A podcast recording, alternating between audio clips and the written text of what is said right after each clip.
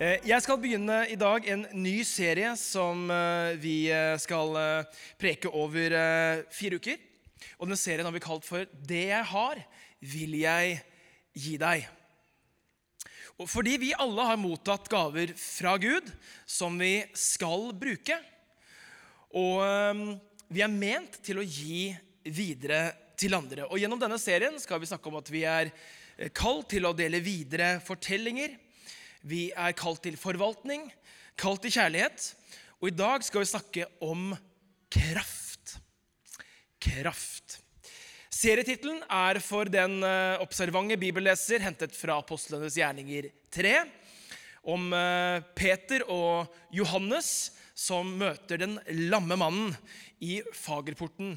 Og Vi skal lese den teksten i starten av denne talen, og vi leser i Jesu navn. Peter og Johannes gikk en dag opp til tempelet, til ettermiddagsbønnen ved den niende time. Da kom noen bærende på en mann som hadde vært lam helt fra mors liv. Hver dag satte de ham ned ved, som, eh, ved den tempelporten som kalles Fagerporten, så han kunne tigge om gaver fra dem som gikk inn på tempelplassen. Da han så Peter og Johannes som var på vei inn, ba han om en gave. De så fast på ham, og Peter sa, 'Se på oss.' Han gjorde det og håpet de ville gi ham noe.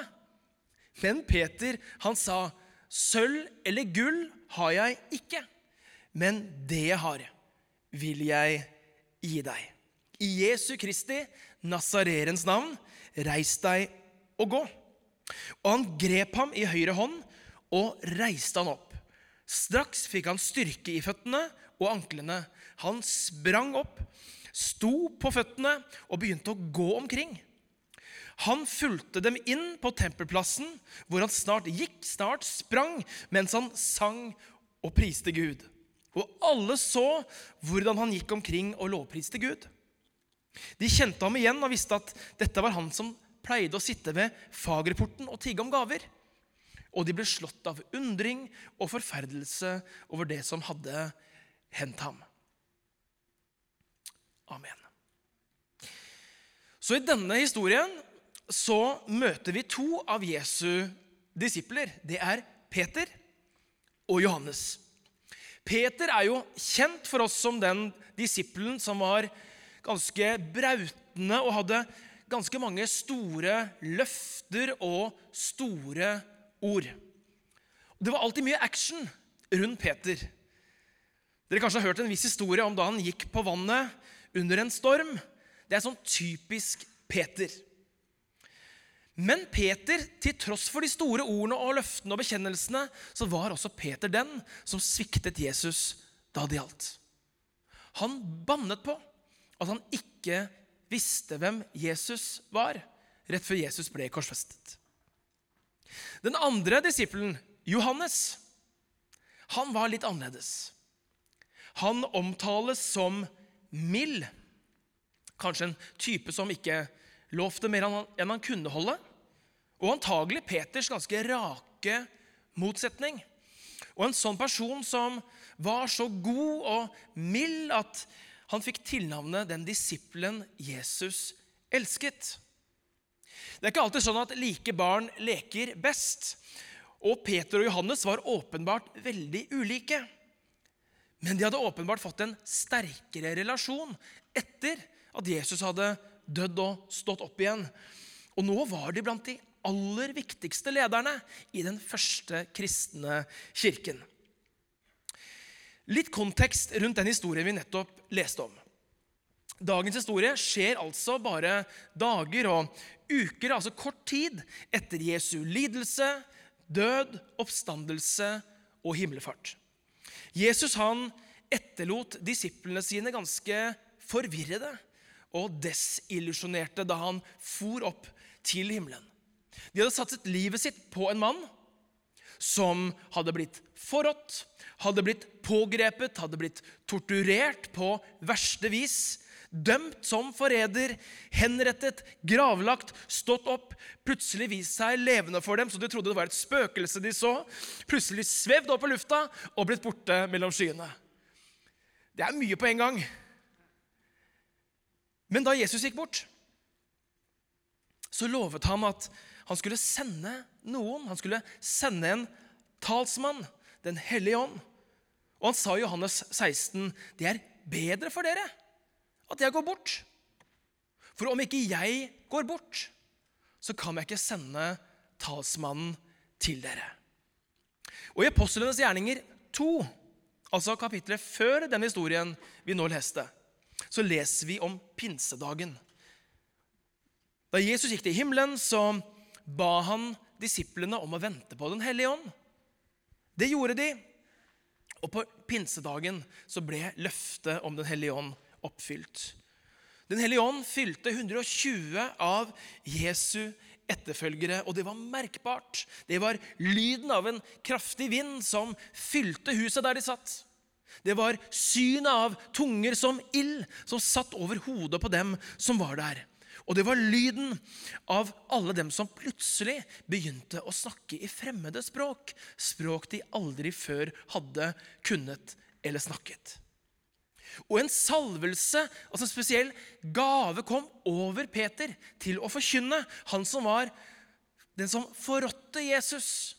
Han ble forkynneren som ble en av de viktigste forkynnerne i den første kristne kirke. Og folk stimlet seg rundt dem. Og det var jøder i Jerusalem fra alle verdenskanter. Det var pinsefestens tid. Og plutselig så hørte alle disse jødene fra forskjellige deler av verden evangeliet forkynt på sitt språk. Og 3000 mennesker ga sitt liv til Jesus og ble lagt til menigheten den dagen. Og det er derfor vi sitter her i dag. For at det pinseunderet skjedde i Jerusalem for 2000 år siden. Og dette skjedde blant folk som ikke hadde noen spesiell utdanning og ikke hadde noen spesiell erfaring eller var noe spesielt høyt på rangstigen i samfunnet. Så nå Nå skulle Peter og Johannes, altså i kapittelet etterpå, til tempelet. Og på vei til tempelet så er det jo ganske forståelig da, at de var fylt av en spesiell frimodighet.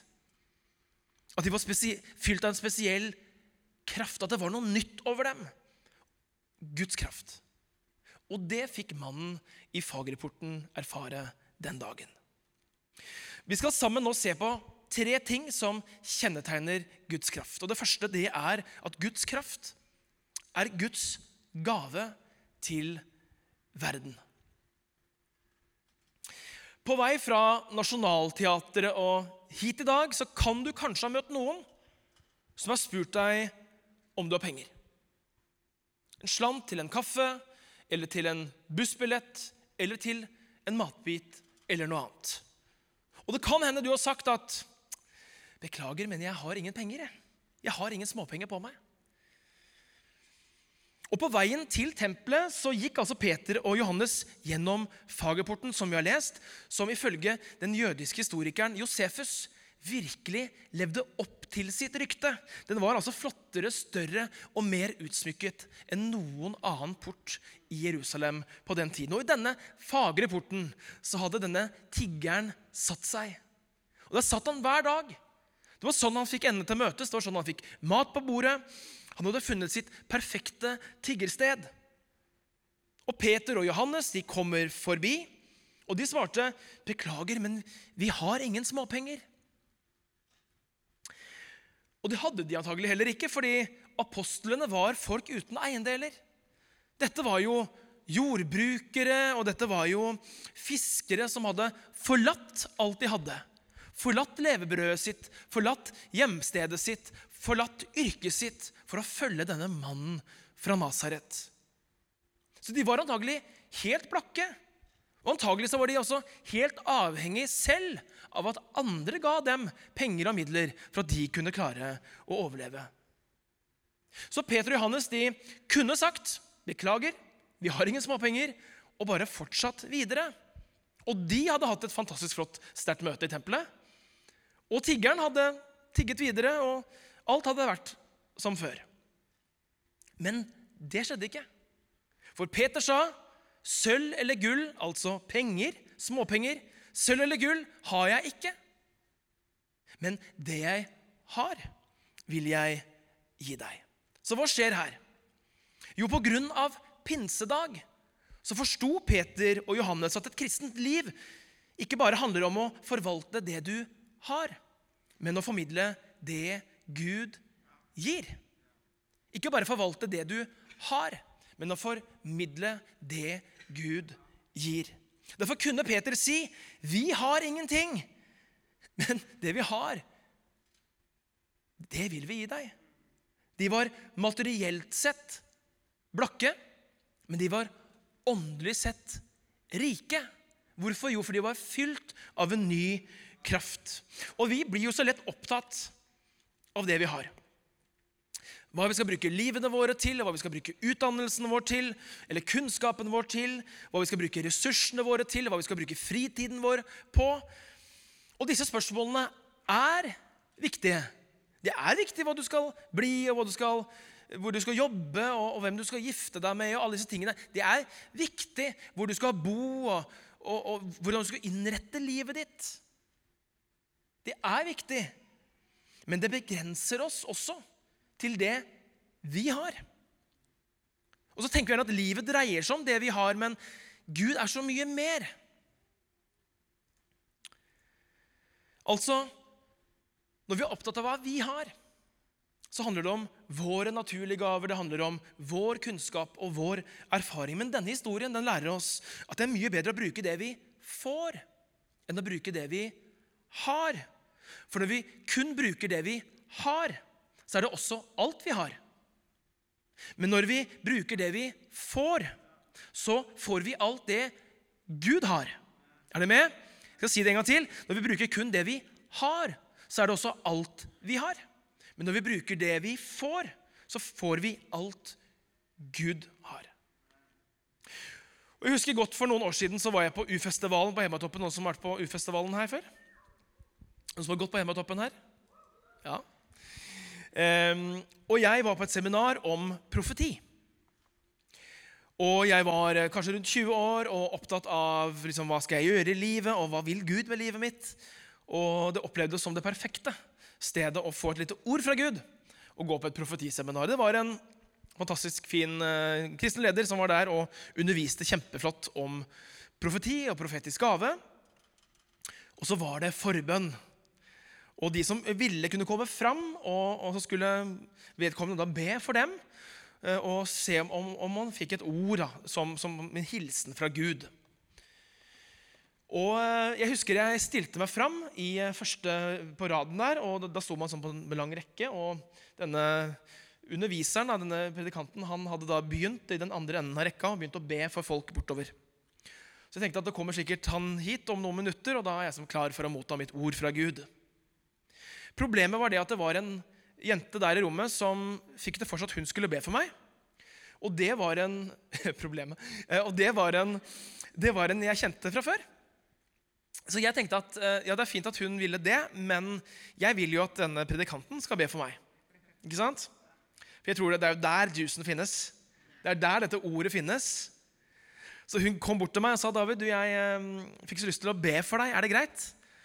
Og så tenkte jeg nei, nei, nei, nei, nei, nei, men sa ja, selvfølgelig. Så hun ba for meg, og jeg håpet hun ble fort ferdig, så ikke han skulle da se at hun, jeg ble bedt for, og gå videre til neste person, og da dermed hoppe over meg. Hun begynte å be, og så tar det ikke så veldig lang tid før hun sier David, jeg opplever at uh, jeg har fått et ord til deg fra Gud.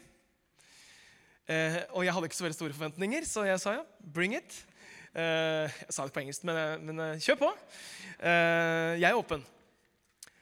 Og så begynte hun å si ting over meg og over livet mitt som jeg husker at det var kanskje Det holdt på kanskje i 20 minutter. Jeg tror ikke det var så lenge, men det opplevdes kjempelenge. Hun snakket og snakket og snakket. og snakket Om ting som jeg visste om, ting jeg ikke visste om, ting som hadde skjedd, ting som ikke hadde skjedd, ting definitivt ikke hun kunne vite om. Og så gikk jeg tilbake på rommet der jeg bodde, og så skrev jeg alt ned i en bok. Og Den boka fant jeg for en stund siden og leste gjennom, og så til min store forbauselse at veldig mye av det hun sa til meg den gangen, som jeg ikke trodde var mulig, hadde skjedd i mitt liv. Det er åpenbart for meg, og jeg er veldig glad for at det var hun. Altså Gud kan bruke hvem han vil. Og det kunne sikkert kommet noe godt fra denne predikanten også, men jeg var så glad for at hun var formodig. Og at hun brukte den gaven hun hadde fått, til å be over meg den dagen. For det betydde veldig mye for meg i mitt liv. Og så, for noen år siden, da jeg fant fram denne boka, så tenkte jeg at jeg må jo måtte fortelle vedkommende at, at, at uh, dette har betydd noe for meg. For jeg har jo tenkt masse på dette gjennom livet. Og vært takknemlig for det. Så jeg sendte en melding. Fikk ikke noe svar. Det gikk én, to, tre dager. Og til slutt kom det et svar, og så skriver vedkommende at uh, jeg visste ikke helt hvordan jeg skulle svare på den meldingen, men jeg har gått gjennom en del ting i mitt liv som har vært krevende, og den meldingen du sendte meg om at det hadde betydd noe for deg, det var akkurat det jeg trengte å høre i dag. Den hellige ånd, når vi bruker den gaven Gud har gitt oss, så er det en gave som fortsetter å gi. Altså Velsignelsen går rundt og velsigner tilbake. Ja visst kan vi gjøre mye bra i egen kraft, det er ikke det.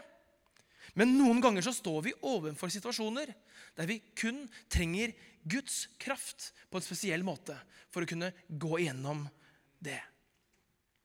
En nederlandsk forkynner som heter Corrie ten Boom, har sagt at å prøve å gjøre Herrens verk i din egen styrke er det mest frustrerende, utmattende og trøttende av alt arbeid. Men når du er fylt med Den hellige ånd, da strømmer Jesu tjeneste naturlig ut av deg. Jeg er så glad for at ikke Peter og Johannes bare slang en mynt på tiggeren den dagen ved Fagerporten, men at de valgte å gå lenger. Selv om en mynt sikkert både var det mannen ønsket seg og forventet seg, men oppglødd av pinsedagserfaringen så forsto Peter at den største gaven ikke var den ressursen han selv hadde, men den ressursen som kun finnes tilgjengelig i Guds kraft. Og hva med den lamme mannen? Jo, han fikk ikke det han trodde han trengte, men han fikk det Gud visste at han trengte. Og det førte til et mirakel som fikk uante konsekvenser. Akkurat som jeg som stilte meg en forbønnskø for over 20 år siden. Og trodde jeg visste hva jeg trengte fra Gud. Så visste Gud mer. Han visste hva jeg egentlig trengte og ba om uten at jeg visste jeg hadde bedt om det selv. Og det jeg fikk, var så mye bedre. For Guds kraft det er Guds gave til verden. Det er Guds gave til oss som fellesskap som hans menighet. Og det er Guds gave til deg og meg. For når vi bruker det vi har, så er det også alt vi har. Men når vi bruker det vi får, så får vi alt Gud har. Så det var nummer én. Nummer to. Guds kraft gjør Jesus levende. Og Vi skal lese videre fra denne historien. Det står Mannen holdt seg nær til Peter og Johannes og fulle av undring stimlet hele folket sammen rundt dem i Salomos søylehall. Da Peter så det, begynte han å tale til folket. Israelitter, hvorfor er dere forundret over dette? Hvorfor stirrer dere på oss som om det var vår egen kraft eller fromhet som gjorde at denne mannen kan gå? Nei, Abrahams og Isaks og Jakobs Gud, våre fedres Gud, han har herliggjort sin tjener Jesus. Dere utleverte ham og fornektet ham for Pilatus, som hadde besluttet å gi ham fri. Dere fornektet den hellige og rettferdige og ba om å få løslatt en morder. Men livets opphavsmann drepte dere. Han som Gud reiste opp fra de døde, det er ham vi vitner om. Ved troen på Jesu navn har dette skjedd. For det navnet har gitt styrke til denne mannen, som dere både ser og kjenner. Den tro vi får gjennom dette navnet, har gitt mannen full følelighet igjen, slik dere alle kan se. Selv om Den hellige ånd sikkert har over 100 forskjellige oppgaver, så er den viktigste oppgaven Den hellige ånd har, det er å gjøre Jesus levende for oss. Og mirakler ja, de er jo flotte i seg selv når det skjer et under, når vi opplever at vi får det vi ber om. Og vi skal be fremodig om mirakler. Men Gud gjør aldri mirakler kun for mirakelets skyld. Nei, et sant mirakel peker alltid på Jesus. Mirakelgjøreren. Og da Jesus gjorde sitt første mirakel i Bibelen, som vi leser om, da han gjorde vann til vin i bryllupet i Kana, så gjorde han det, står det, for å åpenbare sin herlighet. Og det står også at disiplene de så det, og de trodde ham. Og Her står altså Peter fram som den folketaleren han hadde blitt. Han visste at dette mirakelet ville dra folks oppmerksomhet nettopp mot ham og Johannes. Og at folk kunne komme til å tro at det var dem som hadde kraft til å helbrede. Men Peter han skjønte hva som skjedde. Og han er rask til å peke på at det er Jesus som er undergjørende. Det er ikke oss, det er ikke vår kraft. Nei, det er han, og det er i hans kraft som miraklet skjer. Og det er jo så fristende å ta æren selv, er det ikke det? Det er så fristende å sole seg i den glansen og bruke Gud for å bygge sitt eget navn og rykte. Og for en som meg, da, som ofte står på en plattform og skriver noen sanger og holder en mikrofon i hånda, så er det ofte en veldig stor fristelse. Men når Peter skal forklare mirakelet, så sier han det er ved troen på Jesu navn at dette har skjedd. Altså ikke ved tro.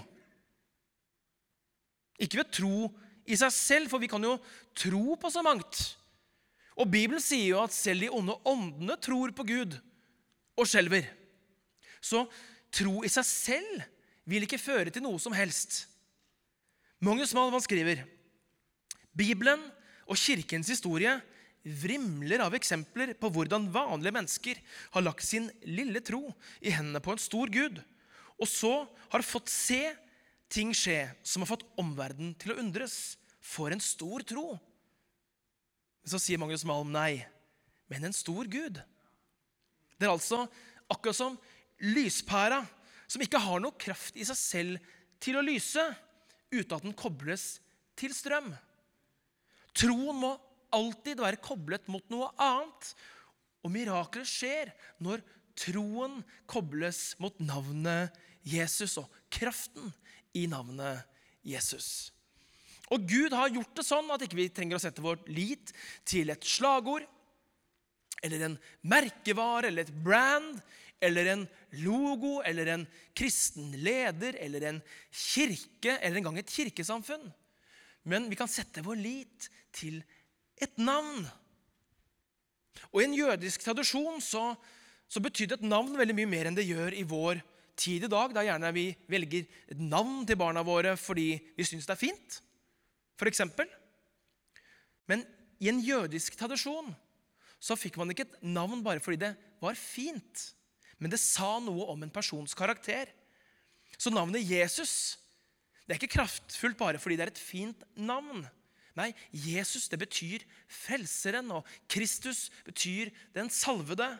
Så navnet Jesus er kraftfullt fordi det representerer den samme kraften som Jesu person og karakter representerer som frelser og som den salvede. Så når vi ber i Jesu navn, og mirakler skjer, så vil det alltid peke tilbake på Han som fikk miraklet til å skje i utgangspunktet, navnet Jesus.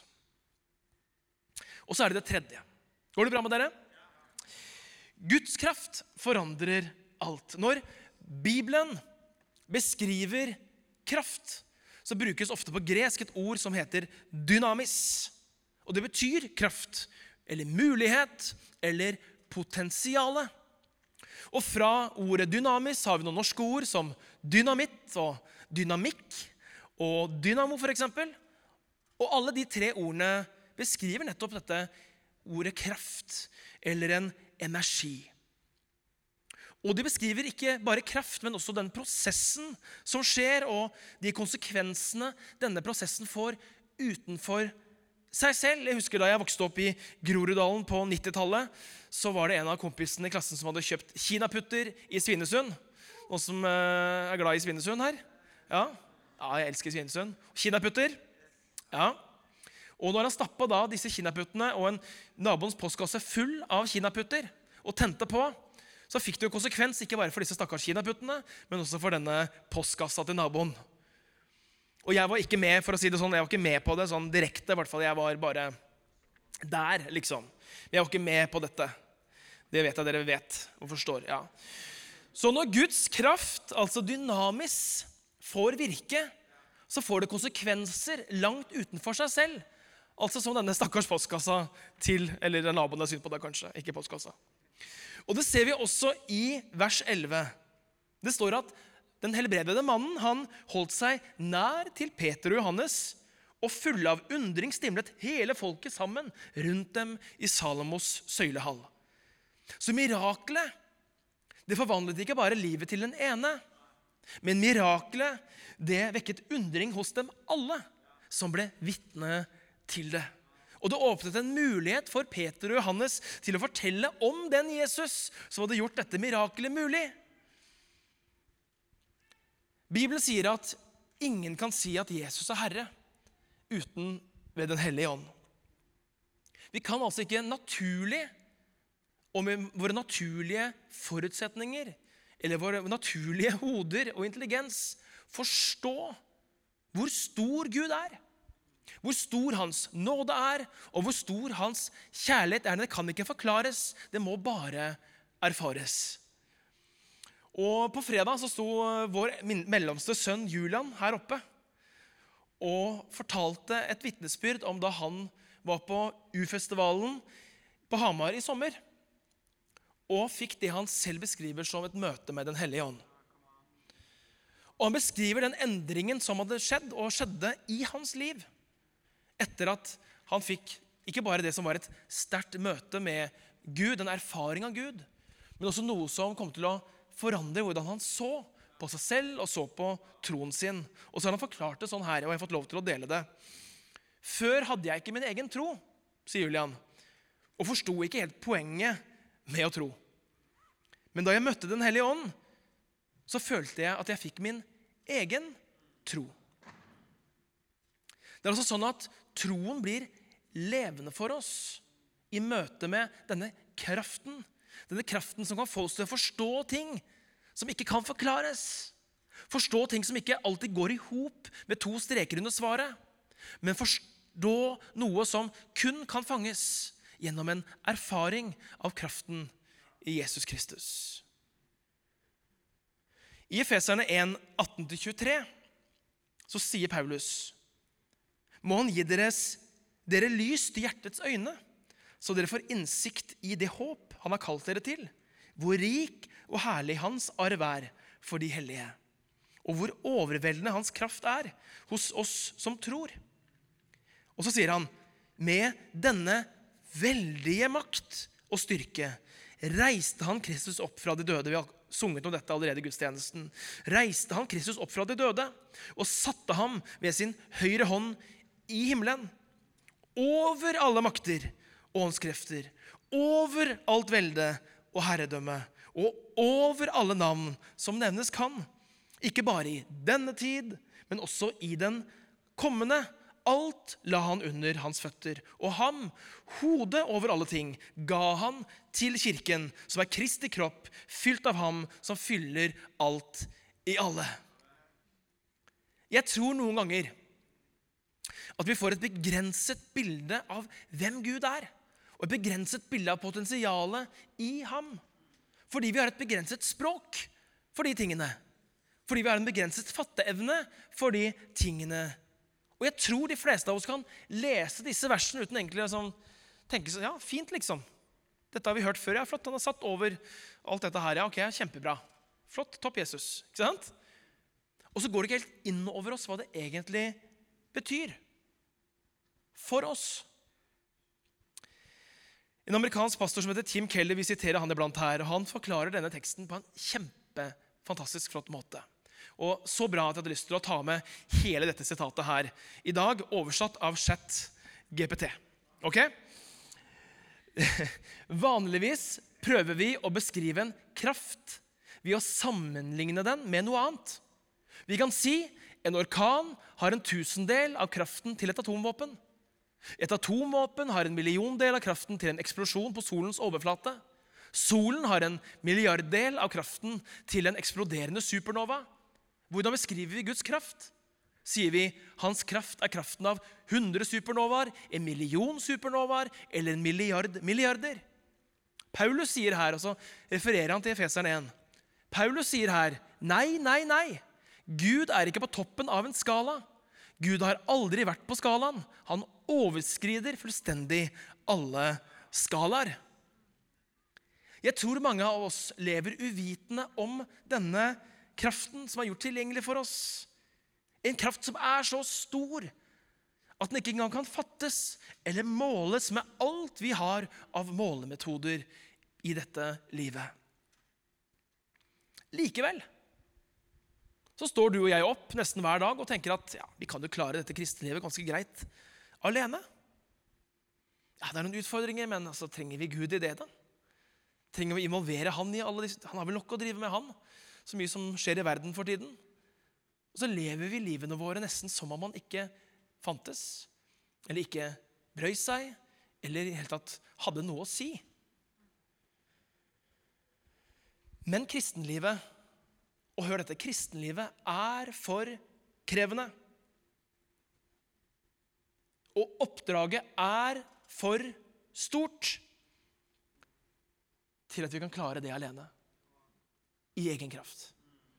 Derfor så har Gud tilgjengeliggjort sin kraft for oss. En kraft som ikke bare overgår, men som står utenfor enhver måleenhet. Så hvordan kan vi måle en sånn kraft? Jo, Si f.eks. at jeg har en stor stein. Og så sier jeg til deg at ja, denne steinen her, den, den, veier, den veier to. Ok, ser du? To? Hva da? To? Er det to gram, eller er det to kilo, eller er det to tonn du snakker om? Vi trenger altså å sette disse tingene i en kontekst for å, for å forstå hvor tungt et element er, eller hvor stort noe er. Og skal vi sette da Guds kraft i en sammenheng, hvilken måleenhet bruker vi da om Guds kraft? Jo, Paulus sier i Efeserne 1,20.: Med denne veldige makt og styrke reiste han Kristus opp fra de døde og satte ham med sin høyre hånd i himmelen. Måleenheten for denne kraften det er Jesu seier over døden. Døden som vi beskriver som den siste fiende. Menneskets største fiende over alle fiender, den endelige fienden. Selv døden, som er uunngåelig for oss alle. Selv dødens krefter overvant Jesus Kristus da Gud reiste han opp fra de døde. Og den kraften reiste ikke bare Jesus opp, men den kraften bor i deg og meg og oss som tror på ham.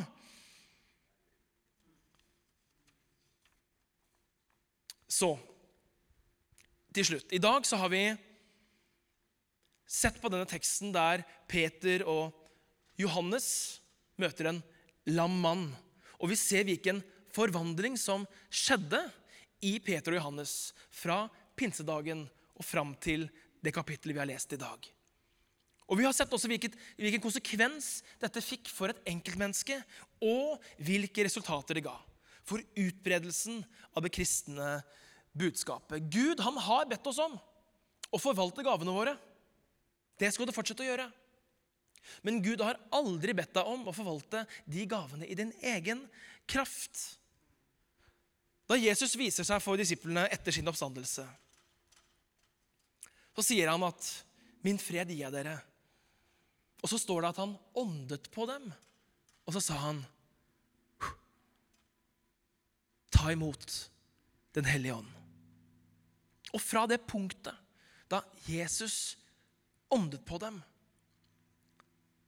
så stolte ikke lenger apostlene på sine egne gaver, men de stolte på Guds kraft. Så Guds drøm kunne bli oppfylt for verden. Og hva er Guds drøm? Jo, Guds drøm er at lamme skal gå, at døve skal høre, at blinde skal se, at syke skal bli friske, at fortapte skal bli funnet, at knuste hjerter skal bli lekt, at bortkomne skal vende hjem, at jorden skal bli fylt av Guds herlighet og kunnskapen om ham, og at fortellingen om Jesus skal forvandle liv, ja, herfra til jordens ender. At himmelen skal bli fylt, at hvert kne skal bøyes ned, og at hver tunge skal bekjenne at Jesus Kristus er Herre. Og når vi bruker det vi har, så er det også alt vi har. Men når vi velger å bruke det vi får, så får vi alt det Gud har. Amen. Vi takker deg, gode Gud, for at du er alle gode gavers giver. Og vi inviterer deg nå, Hellige Ånd, til å bevege deg i rommet og bevege deg i oss. Kom og gjør ditt verk i oss. Fyll oss med din kraft. Hjelp oss til å oppdage og se det potensialet vi har i deg. At ikke vi lenger skal leve dette livet på egen hånd, som om du ikke finnes eller bryr deg. At vi skal leve dette livet i din overnaturlige kraft. Så du blir synlig og herliggjort i våre liv. Det ber vi om i Jesus Kristus. Amen. Du har nå hørt en podkast fra Filadelfia-kirken i Oslo. Vil du vite mer om oss, gå inn på filadelfia.no. Og ikke minst velkommen til å feire gudstjenester med oss hver eneste søndag, enten fysisk eller online.